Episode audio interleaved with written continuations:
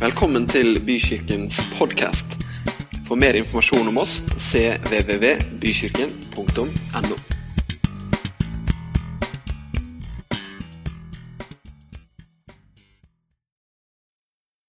Dere, jeg skal dele noe som eh, har ligget meg på hjertet veldig lenge. Vi er en menighet hvor vi ser for oss en forsamling, en gruppe mennesker bestående av barn, unge og voksne, som hjelper hverandre til å leve helhjerta for Jesus. Som lever åpne liv.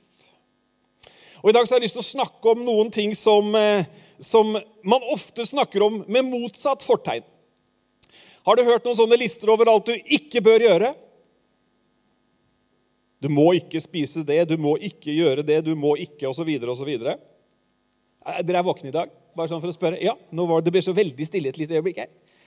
Du vet, Ofte så har vi hørt det jeg skal snakke om i dag, kanskje med et motsatt fortegn. fordi at eh, I vår del av verden så er det én ting som opptar sånne som meg, og kanskje sånne som deg, nemlig at menigheten, at kirken, står foran en svært utfordrende tid.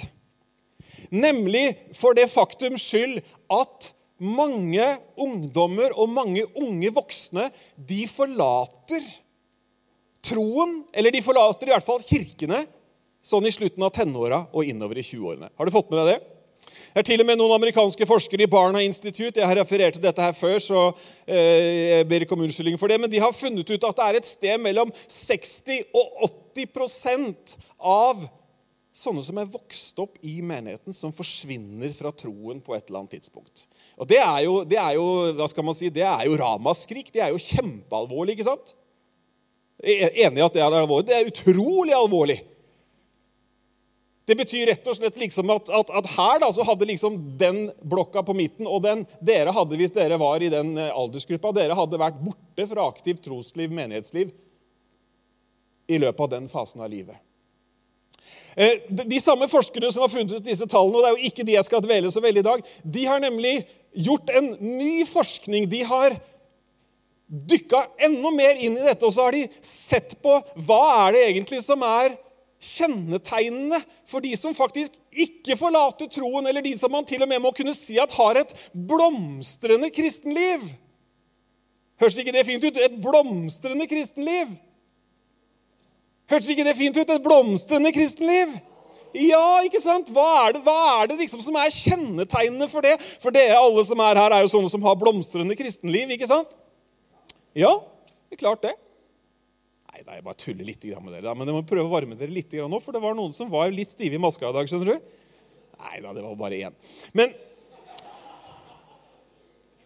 Og vi kan snakke sammen. Det er sånn forbønnsbord her borte etterpå hvis du var stiv i maska. Nei da. Men det er det. Etter gudstjenesten så kan du komme bort her, så kan vi snakke sammen eller be sammen. Men dere har lyst til å peke på noen ting i dag som på mange måter man kan kalle for Hva er så oppskriften da, for de som bevarer troen, de som fullfører løpet, de som fortsetter å leve tett på Gud? For det er jo det vi vil, ikke sant?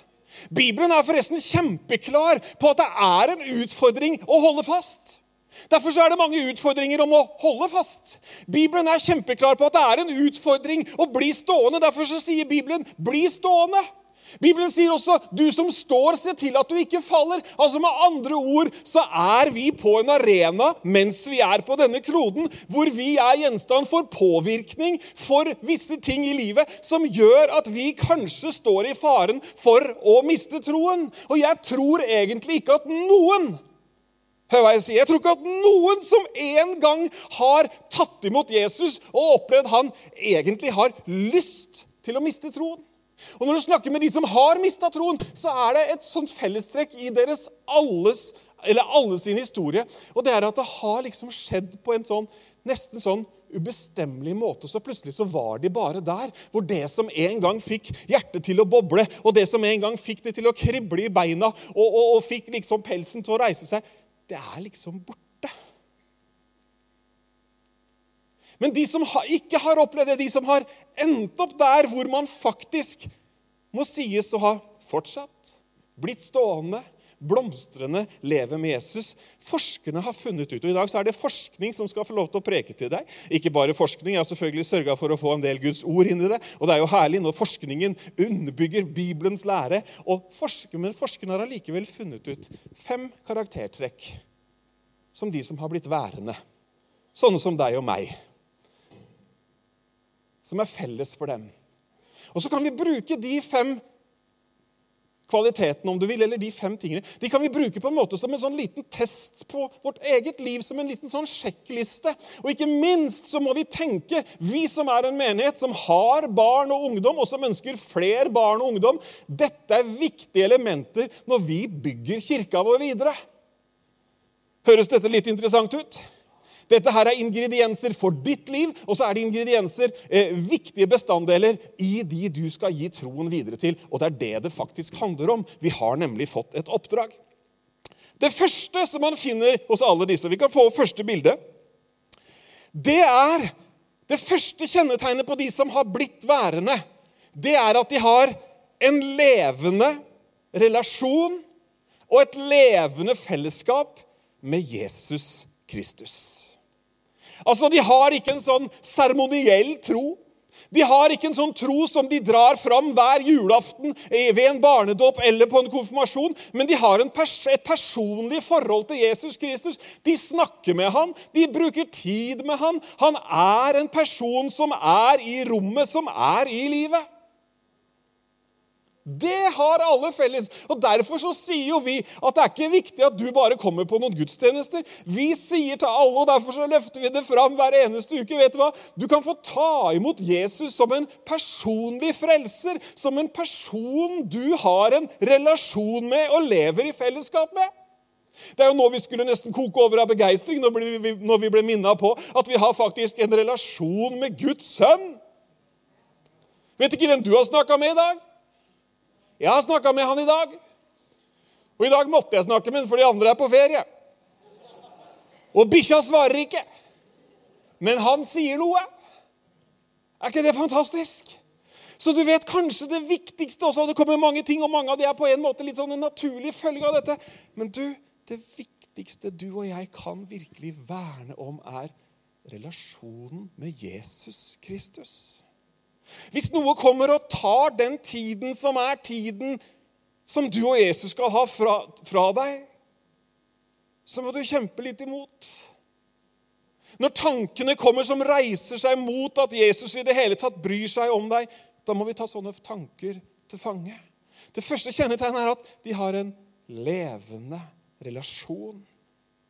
Et levende fellesskap med Jesus Kristus. Og Det er jo ganske interessant, dette her, for vi lever i en tid hvor, hvor vi faktisk eh,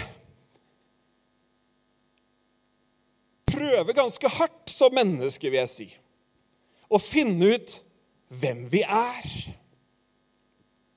Har du fått med deg visse identitetsproblematikker som hersker i samfunnet? Det har skutt fram med en helt vanvittig hastighet. Nå kan du være i grunnen akkurat hva du vil, bare du definerer at du er det. Men det som er kjennetegnet på de som har bevart troen, det er nettopp dette at de har skjønt hvem de er i Jesus Kristus. I relasjonen med Han. Og Vi skal lese et skriftsted som du får på veggen, og det er fra Hverdagsbibelen. Og det er fra Filippebrevet. Her beskriver Paulus nettopp denne relasjonen og Du må kanskje følge litt ekstra med, for jeg har med vilje brukt hverdagsbibelen. Sånn at ikke vi kommer inn i det sporet ja, det verset har jeg lest, det kan jeg, det, og nå siterer jeg det før han leser osv. Kjenner dere det der? Noen ganger så må vi bare tenke litt nytt. Hva står det egentlig? Det er et godt spørsmål å stille seg når du leser Bibelen. Hva står det egentlig? Hva er det han sier? Og legg gjerne også til når du leser. Hva vil du si meg nå, gode Hellige Ånd? La han levendegjøre ordet. Men hør hva det står. Paulus han beskriver noe som har vært. Han var jo alt annet enn en kristen. kan du si. Det som før var viktig å oppnå for meg, er nå totalt uviktig. Livet med Kristus har gitt meg nye prioriteringer. Jeg har ikke tapt noe, for ingenting er noe verdt sammenligna med det som jeg har fått. Jeg har fått lære om Jesus blitt kjent med Han og gjort Han til herre i mitt liv. Kan du bli salig bare av første delen av denne teksten her? Det gamle livet regner jeg som søppel, for den største rikdommen av alle er å finne Kristus og leve i fellesskap med Han. Når Han dekker over meg, blir mine svakheter og synder ikke lenger synlige for Gud. Men alt Han ser, er Kristi offer. Derfor handler det ikke lenger om at jeg må leve prikkfritt etter loven. Nå handler alt om å tro på Jesus. Nå handler alt om å tro på Jesus. Du vet at Hvis du vil bli stående, hvis du vil bli bevart, hvis du vil toge inn i himmelen og få seierskransen en dag, så må du ha relasjon med Jesus på plass. Og det vet jeg at du har, men jeg bare oppmuntrer deg denne søndagen og sier dyrk den relasjonen! Amen! Gi den tid!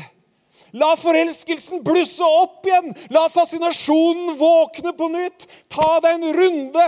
Bruk Johannes evangeliet, f.eks., men ta deg en runde gjennom Skriften og bli blenda av hans slående skjønnhet nok en gang. Jesus, ikke som en fjern høytidsfigur, ikke som en religiøs statue man tar fram men som personen vi lever tett sammen med. Tett ved sida mi går Jesus. Alltid vil han være der. Jeg trenger ikke gå ottast. Nå kan jeg ikke mer av sangen.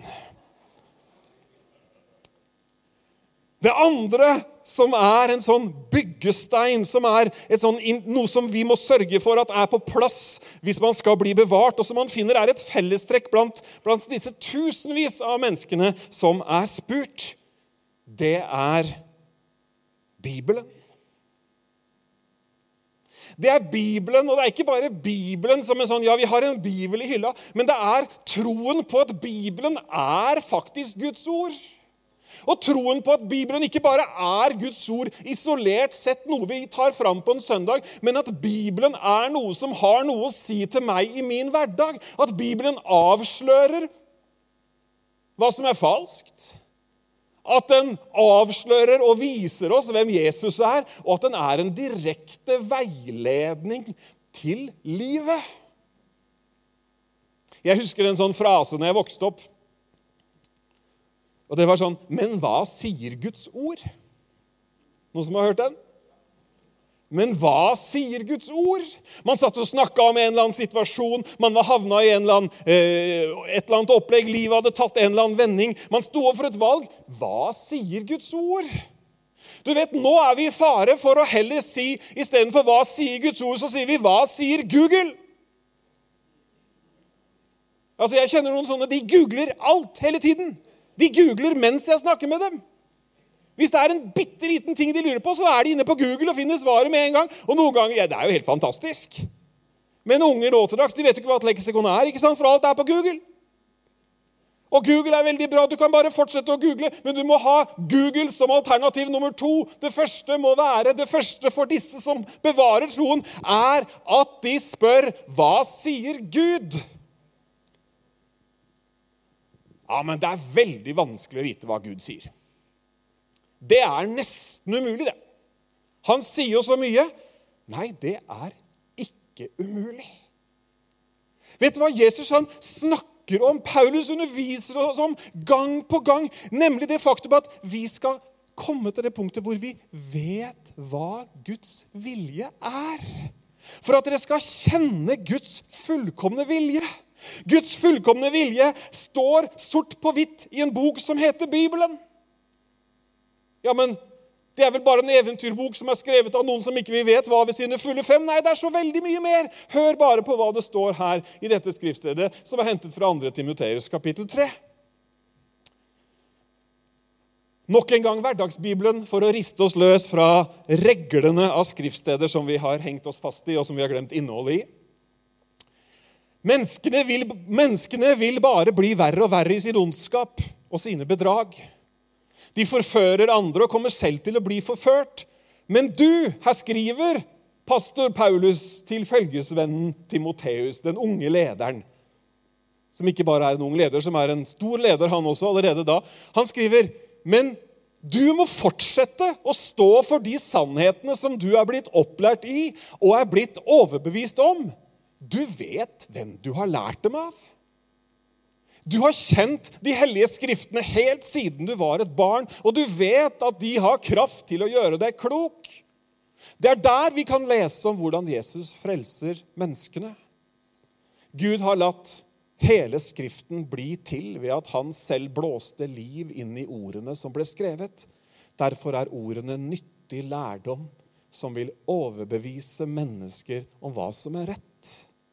De rettleder oss og gir opplæring i hva rettferdighet er. Gud vil at vi skal være godt utrustet og bli satt i stand til å gjøre det som er godt. Jeg trenger vel ikke å legge noe til. Men Bibelen som autoritet, som en kilde til visdom, som Guds åpenbarte vilje, det er noe vi trenger for å bli stående.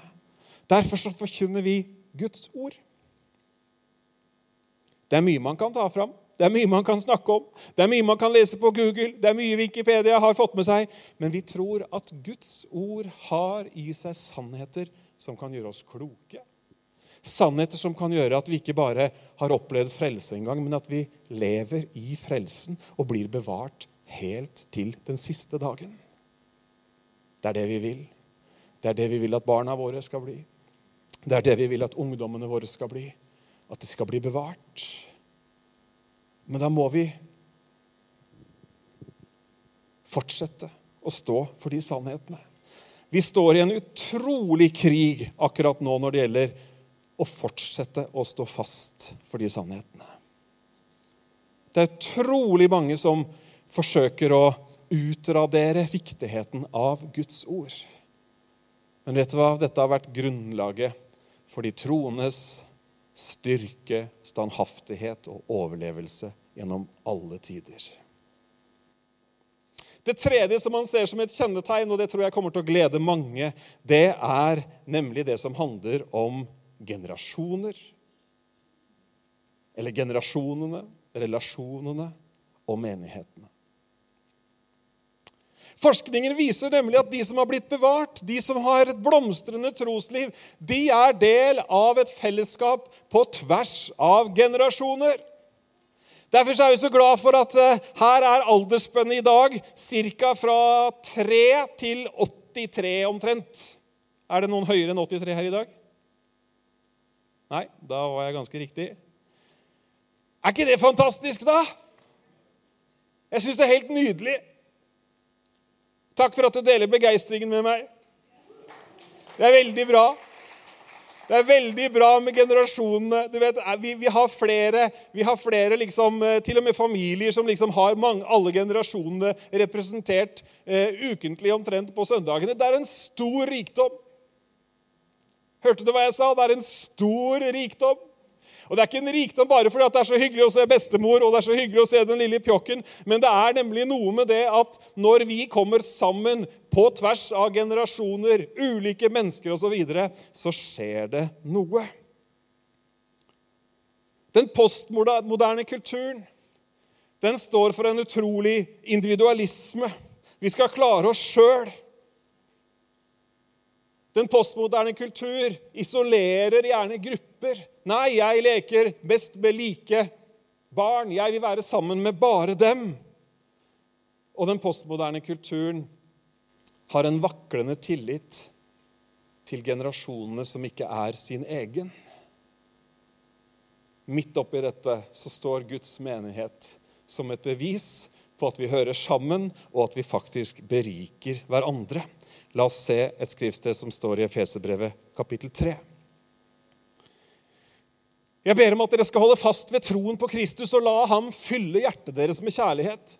Da vil dere, i fellesskap med de andre kristne Da vil dere i fellesskap med de andre kristne være i stand til å forstå bredden bredden, lengden, høyden og dybden av Guds kjærlighet. Det finnes ikke noe så stort som å kjenne Kristi kjærlighet, som er mye større enn vi noen gang kan forstå. Når dere erfarer denne kjærligheten, blir dere fylt av Gud selv.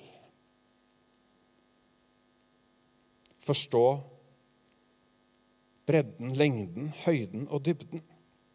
For et par uker siden så var jeg i en uh, markering for en, uh, en pastor, Einar Nymoen i Sandefjord, som gikk av som pastor etter 45 år i fulltidstjeneste. 20 år i Sandefjord. Og jeg må si at Når jeg møter sånne som han, og når jeg ser noen av dere som jeg ser nå i forsamlingen, som har gått før meg, gått før oss, og som står fortsatt, som har blitt bevart i troen, da kommuniserer det noe til meg. Jeg vil at mine barn skal utsettes for generasjonene over dem, eh, som er levende bevis på at det å tro på Jesus, det holder. Det er fantastisk når jeg møter eh, voksne mennesker som virkelig har fyr på peisen åndelig talt. Det er herlig. Du bare skjønner det at det der, den der Jesus-relasjonen det var ikke noe som skjedde som tolvåring på leir. Det, det skjedde da, Men det har liksom vart gjennom hele livet. Jeg ser noe av dybden og lengden og bredden i den kjærligheten som Kristus har utøst for oss. Derfor så trenger vi hverandre. Vi kommer alltid i denne menigheten til å søke å få fylt de hullene vi måtte ha langs generasjonsskalaen. Vi har noen sånne livsfaser som vi har litt dårlig representasjon i akkurat nå. Det tror vi skal endre seg. Det handler litt om at vi er en liten by, og folk flytter unna osv. Men jeg tror dere at 20- og 30-åringene de skal vi også se i større antall. Amen. Vi trenger det. Fordi vi trenger hverandre. De bringer noe til bordet. Du bringer noe til bordet. Og vær så snill, på ingen måte så må du tillate deg sjøl at du pensjonerer deg fra aktiv deltakelse i fellesskapet. Så sant du er våken nok til å komme hit, enten det er sittende, stående eller liggende, så vær med i fellesskapet og gi uttrykk. Og Nå snakker jeg både til de eldre og de middelaldrende. Gi uttrykk for hva troen betyr. Om du tenker på et bibelvers når du ser lille Ola på 17 år ja, Da er de ikke så små, forresten. Men hvis du er 87, så er det jo en liten fjott. Så del det ordet. Når du som eh, er voksen, tenker at 'nei, hva har jeg å bringe', skal du heller tenke 'jeg har noe å bringe'. Du kan be med noen. Ikke bare på avstand. Du kan også gå bort og snakke med noen. Du kan være den voksenpersonen som bryr seg. Du kan være de øynene som ser den i en annen generasjon som virkelig trenger å bli sett. Vi må forte oss videre. Det fjerde som er tydelig blant de som blir virkelig bevart, det handler om en vilje til å være delaktig i misjonsoppdraget og ta et ansvar. Legg merke til ordet vilje. Det handler om en bestemmelse det bringer sunnhet inn i vår, vårt, vårt, trosliv når vi skjønner at vi er en del, og vi har et ansvar i et oppdrag. Vet du at du, akkurat du, kan være med på å utgjøre en forskjell i den kulturen du er i, fordi at du lever tett med Jesus? I Markus 16 så står misjonsbefalingen. Vi kan få den opp her. En av de.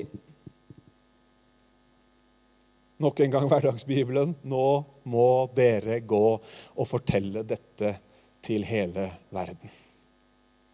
Kunne stoppa der og holdt en lang preken for han som sa 'Nå må dere gå og fortelle hele verden'. Han har akkurat understreket, han har akkurat bevist sin guddommelighet. Han har akkurat fullført oppdraget, han har fullført forsoningsverket. Han har stått opp igjen fra de døde, han har seiret over død, synd og skam og med myndighet. Og Derfor heter det også misjonsbefalingen. Så gir han oss, som hans etterfølgere og disipler, så gir han oss dette oppdraget. Nå må dere gå og fortelle om dette til hele verden. Forkynn dette gode budskapet for alle mennesker. For den som tror og blir døpt, skal bli frelst, men den som ikke tror, skal bli dømt for sine synder. Og disse mirakuløse tegnene skal følge dem som tror. De skal drive ut demoner i mitt navn, og de skal få et nytt bønnespråk kalt tungetale. Og de må, og de må ta i slanger og de, om de må ta i slanger eller drikke noe giftig, så skal de ikke ta skade av det. Og når de legger hendene sine på syke mennesker, skal de bli friske. Et kjennetegn på de som bevarer troen og brannen, er at de har en vilje til å være delaktige i misjonsoppdraget, at du tar ansvar. Og dere, vi kan alle være med. Hørte du hva jeg sa? Vi kan alle være med. På ulik måte, ja, men vi kan alle være med. Vi har alle et forkynneroppdrag, om du vil. Vi har alle fått dette oppdraget om å fortelle andre om Jesus. Det har vært en frase som har vært litt sånn populær, en feilaktig frase. Det har vært at den lyder som følger.: Forkynn evangeliet og bruk om nødvendig ord. Sitatet er visselig henta fra Frans Assisi. Men det er helt feil å tenke at bare ved å være, ved å være så skal man gjøre, utføre det Bibelen sier som handler om å forkynne. Troen kommer av forkynnelsen. Forkynnelsen skjer ved Guds ord. Jeg tror på barmhjertighet. Jeg tror at ved å gjøre og ved å være så kan man også være med på å understreke et budskap. Men altfor mange har havna der at ja, nei, vi trenger ikke å si noe. Bare det at jeg er der, utgjør forskjellen. Et evangelie som ikke er forkynt, er ikke et evangelium. Jeg vet at jeg utfordrer noen, nå, men det er viktig å snakke sant om akkurat dette her. Frans Assisi han var en fin fyr. Og han forkynte, og han var til stede, og han drev barmhjertighet. Men det viser bare når man tar en sånn liten setning fullstendig ut av sammenheng, og så tenker man Og kanskje det oppleves som mer behagelig da, å bare være istedenfor å si noe. Det er, jo, det er, jo, lettere å være på jobben, bare være der, enn å fortelle at vet du hva, jeg tror på Jesus Kristus. Er det ikke sant? Det er mye, mye, mye enklere. Men det å forkynne handler om å være et vitne. Kommer av ordet martyros, som betyr å si noe om. Vilje til delaktighet i misjonsoppdraget. Og det henger litt sammen med det siste som vi skal ta helt avslutningsvis. Det femte.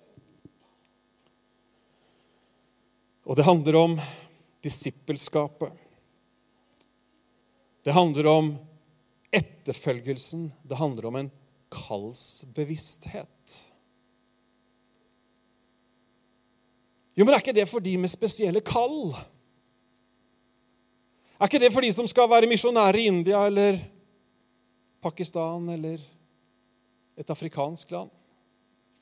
Nei, vet du hva? De som blir bevart i troen, de har en bevissthet rundt at de er kalt til å være et vitne, og at de er en misjonær uansett hvilken arena de er på. Hva er din misjonsarena?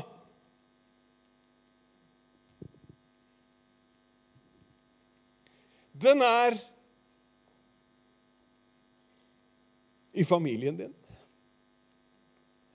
Den er i nabolaget ditt. Den er på skolen din, den er på studiestedet, den er på treningssenteret. Den er på jobben, den er i organisasjonslivet, den er blant kollegaer.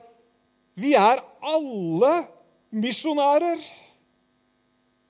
Og det viser seg faktisk ut fra denne forskningen at det å ha en bevissthet rundt dette her, det er nærmest Jeg skal ikke begynne å snakke om vaksiner, det er farlig i sånne tider som dette. Men det er nærmest en sånn vaksine mot å miste troen, nemlig når du er bevisst på at jeg er kalt til å dele troen. Ja, men det er sikkert noen andre. Hvis ikke jeg roper, så skal steinene rope, sier noen andre. Nei, litt tilbake til det andre punktet. Vet du hva? Vi er alle kalt til å være et vitne, til å si noe, til å dele troen, til å forkynne at det finnes et håp i denne verden som ser ut som alt, hvor det fort ser ut som mye er håpløst. Vi er vitner om Guds kjærlighet. Og dere, jeg tror at dette er kanskje det punktet som vi veldig ofte diskvalifiserer oss sjøl, og så har vi kanskje egentlig ikke tro på troen vår. Altså, vi har, vi har, tro på troen vår, men vi har ikke tro på troen vår i den betydningen at vi tror at troen vår har en betydning for andre mennesker. Men du skjønner det at eh, når vi forkynner troen på Jesus Kristus, når vi forkynner at det finnes en Gud i himmelen som skapte deg, som elsker deg, som bryr seg om deg, som vil leve i relasjon med deg Når vi forkynner det, så spiller vi på strenger i hvert eneste menneske som er der fra skapelsens side. Mennesket er skapt i Guds bilde. Det vekker en lengsel. Det får folk til å tenke og så skjer det at de også tar imot den troen, tar imot det budskapet. Hør hva det står i 2. Korinterbrev 5. Alt dette er Guds fortjeneste. Det var Gud som fikk i stand et forlik mellom seg og oss mennesker, slik at vi kunne få fred med Han. Dette skjedde pga. Jesus, og vår oppgave er å formidle til menneskene at Gud ikke lenger tilregner menneskene deres synd. Det er det vi skal si. Vi må ut og fortelle verden på vegne av Kristus at menneskene nå kan komme til Gud. Gud selv ber oss inderlig om å spre budskapet om Han og be mennesker om å gjenoppta kontakten med Gud. For Jesus var ren og rettferdig og hadde aldri syndet da Gud lot ham identifisere seg med oss, slik at han ble gjort til synd for oss. Derfor kan Gud i sin rettferdighet ta imot oss, fordi Gud ga oss sin rettferdighet. I en annen oversettelse så står det at vi har fått forsoningens tjeneste. Du vet, Vi skal være det derre forliksrådet som sørger for at partene møtes. Er det noen dere som sitter i forliksrådet? Nei, kanskje noen som har gjort det. Jeg kjenner et par andre i noen andre byer som gjør det. Du vet, Vi er sånne, vi er sånne medlemmer i det forliksrådet som får partene sammen. Og så får vi eh, Forlik er nesten et litt svakt ord for forsone, men dere skjønner hva jeg mener. ikke sant? Du vet hva? Du kan få kontakt med Gud. Det finnes en vei ut av det meningsløse.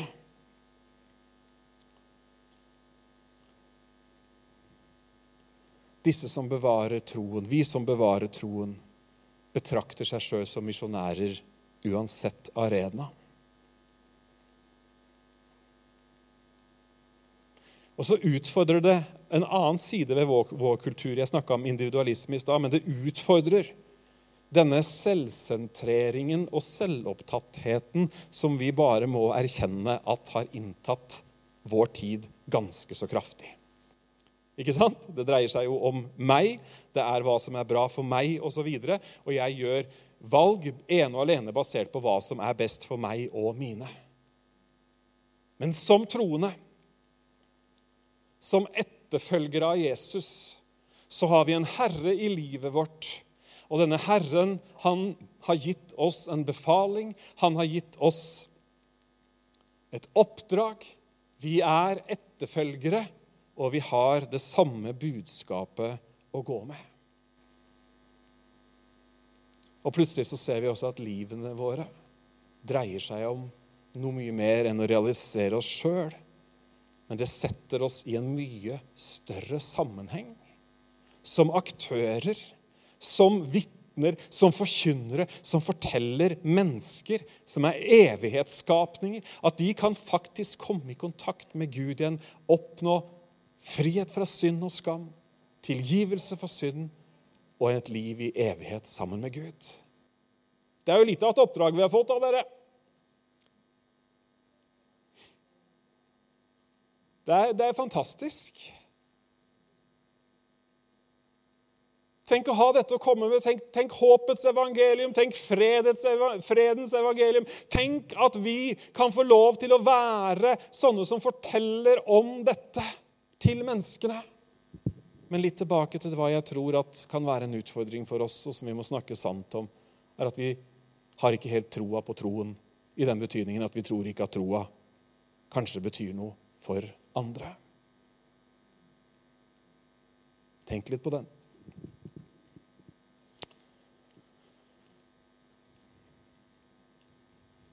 Vi skal lande nå. Kan få gutta opp.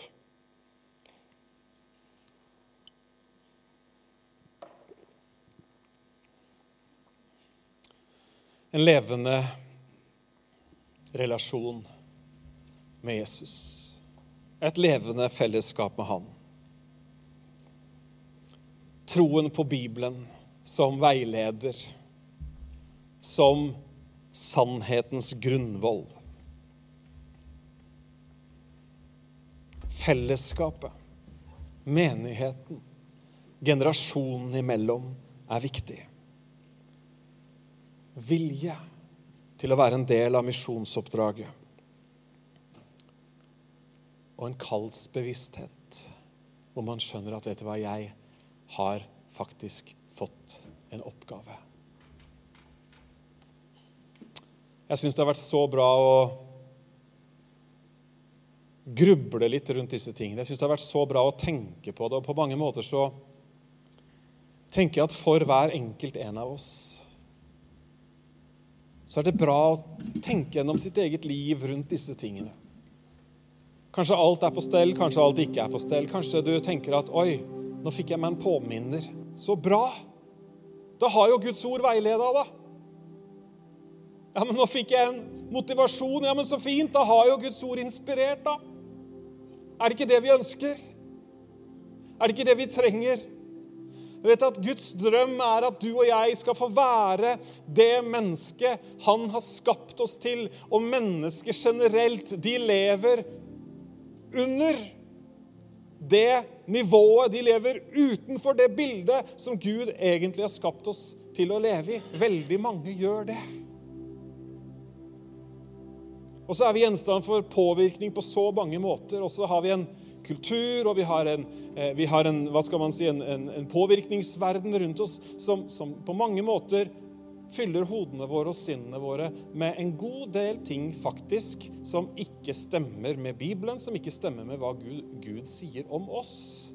Som ikke stemmer hva, med hva vår gode far sier om deg som hans barn. Det er så viktig. Og vet du hva? Guds ønske er på ingen måte at noen av oss skal starte på et liv med Han, for så liksom å bare forsvinne bort, eller nei, det funka ikke allikevel, eller et eller annet. Nei, Gud vil mye mer enn meg, og jeg vil det ganske sterkt, jeg også, men han vil det mye, mye mer enn meg. Så vil han at du og jeg skal fullføre løpet. Amen. At ikke vi skal miste troen, at ikke vi skal falle, at ikke vi skal bli borte. At ikke vi liksom bare skal bli en del av en dyster statistikk. Nei, at vi faktisk skal nå helt hjem til Han. Helt hjem til Han. Kan du ikke si det til deg sjøl, stille der hvor du sitter? Gud vil at jeg skal nå helt hjem. Han vil at du skal nå helt hjem. Han vil at barna dine skal nå helt hjem.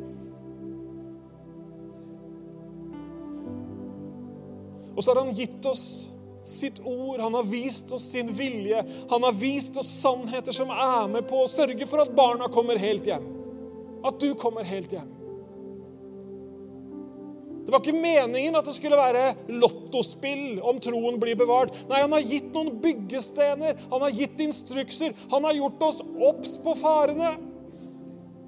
Du som står, se til at du ikke faller. Fritt gjengitt så sier han et par andre steder sjekk hvordan det er med deg sjøl i troen. Et annet sted så står det sjekk om det har kommet noen tanker inn som ikke er av meg.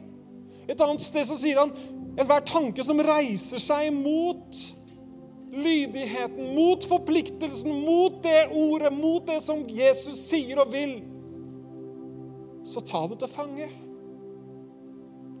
På lørdag tok jeg en tanke til fange. Jeg tror jeg gjorde det på torsdag òg. Tanker, resonnement osv. som ikke er Gud til behag. Det kan være så mange ting i våre mellommenneskelige relasjoner, så mange måter vi ønsker å reagere på. Så ofte vi tenker at ja, men det er jo min rett.